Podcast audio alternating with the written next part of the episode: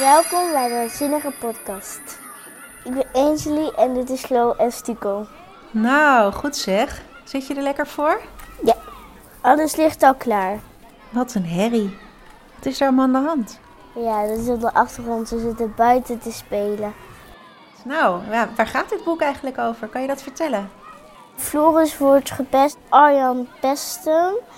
En daarom heet hij Flo. En wat, waarom wordt hij nou weer Flo genoemd? Omdat hij zo klein als een muggetje is. Dit verhaal begint met Floris. En Floris is heel klein en heel alleen. En hij wordt ook nog gepest. En dan komt Stikel, die is een nog kleinere. En dan is hij niet meer enigste die klein is. Floris vindt Stiekel wel leuk, maar ook raar.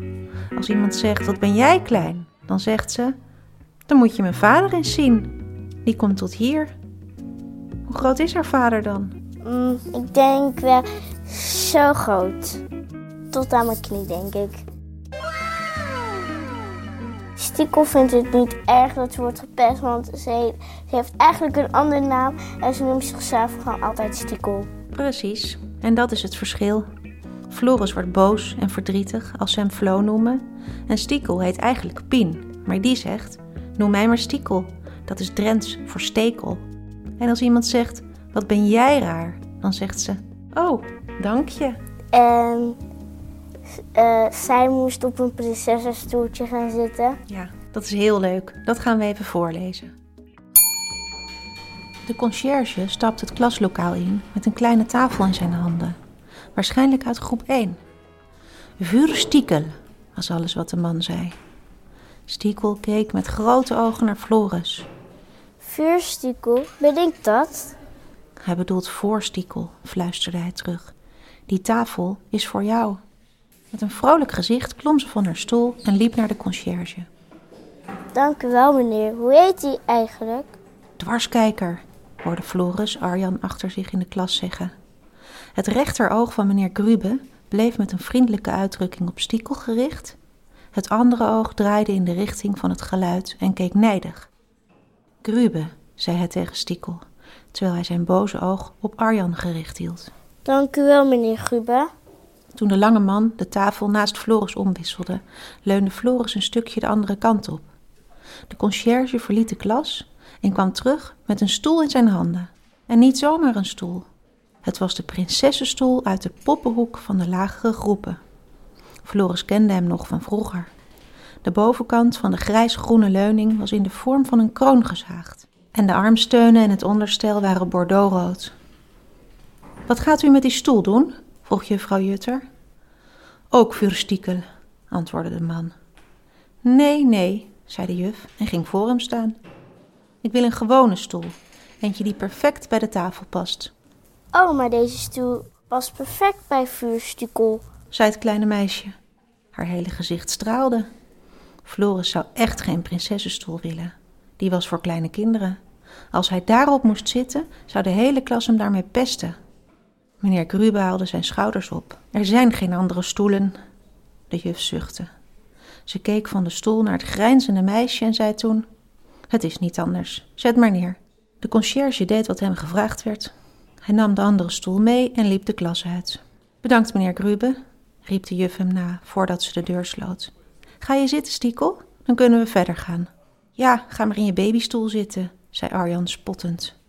Veel kinderen moesten lachen. Arjan en zijn twee vrienden lachten het hardst. Stiekel zei niets. Ze liep naar de prinsessenstoel en ging op de zitting staan. Ze hield haar kin omhoog en keek langzaam de klas rond. Daarna maakte ze een diepe buiging, zodat iedereen nog harder begon te lachen. Ik wil iedereen bedanken voor mijn nieuwe troon, zei ze op deftige toon. Eigenlijk voel ik me een echte prinses. Zelfs juffrouw Jutter moest lachen, en dat gebeurde niet vaak. Als de prinses dan nu op haar koninklijke billen wil gaan zitten. hey, en ehm, wie, op wie lijk jij meer? Op Flo of op Stiekel? Ik denk op Stiekel. Nee, ik denk toch op Flo. want Flo is wat langer. En Stiekel is heel erg klein. Maar ik word niet gepest, dat wel. Nou, gelukkig maar. Angelie heeft wel een vriendin die gepest werd. Door iemand uit onze buurt. Hij eh, ging haar de hele tijd uh, zeggen dat ze super dun was. En allemaal, allemaal gekke dingen. En toen kwam haar moeder. Ja, haar moeder werd heel boos. Ze zei stoppen nu. Uh, en, toen ging, en toen was hij super bang. Heb jij nog tips voor kinderen die gepest worden? Ja, um, uh, pesten is natuurlijk heel niet goed, dus allemaal niet doen. Maar wees altijd jezelf en geloof niet in anderen. Flo en Stiekel worden dikke vrienden. Heb jij ook zo'n goede vriendschap? Ja, dat is met mijn beste vriendin. En dat, ze heet Jalia. Ik ken haar al vijf jaar lang. En bijna zes jaar.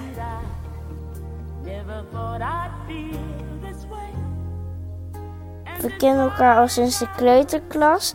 En sindsdien zijn we echt hele beste vriendinnen en uh, spreken we bijna elke week af. Waarom is het belangrijk om een goede vriendin te hebben? Meestal op school. Dan um, komt. En die, uh, die is soms een beetje kattig. En dan, uh, en dan ga ik gewoon meestal gewoon lekker in mijn eentje kop rollen. En dat vind ik ook hartstikke leuk. Maar ik heb liever dat um, Ilana of Nadine komt en dat doen ze ook meestal. Dus ja. Ja, samen voel je je veel sterker.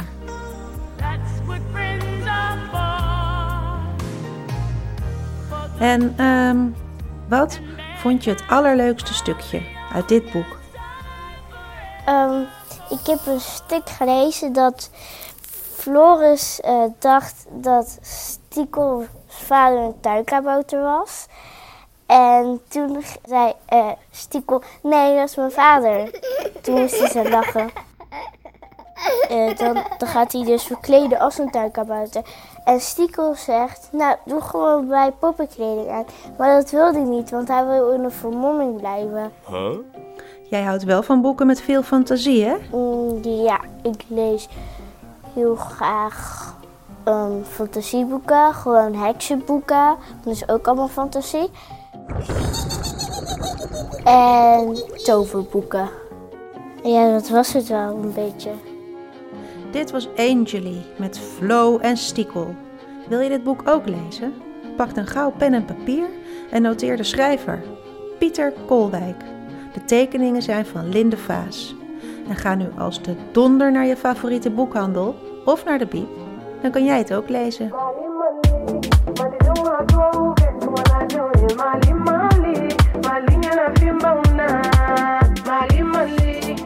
Ik wil nog even iedereen bedanken die aan deze reeks heeft meegewerkt. Groep 5 natuurlijk van de Weerreis in Breda. Mijn meester Niek en Riesje den Hartog van de schoolbibliotheek. De leestijgers die in een nieuwsbrief altijd weer leuke boeken tippen. Maarten Westerveen voor de eindmix. Betty de Blok van de Gouden Zebra voor de communicatie. Jan Willem van den Ban voor de huisstijl. Roos Visser voor het geweldige filmpje van Lezen Nou en haar enthousiasme om de bibliotheken te laten weten dat wij bestaan. Hetzelfde geldt voor Maaike van Pelt van ProBiblio. En last but not least bedank ik mijn compagnon Maya Shamir voor de eindredactie en veel meer. We maken samen steeds meer podcasts en dat doen we vanuit Studio Popcorn. Hou ons in de gaten. Ik ben Marije Ravelli en dit was de waanzinnige podcast van groep 5. Dit is een productie van Studio Popcorn.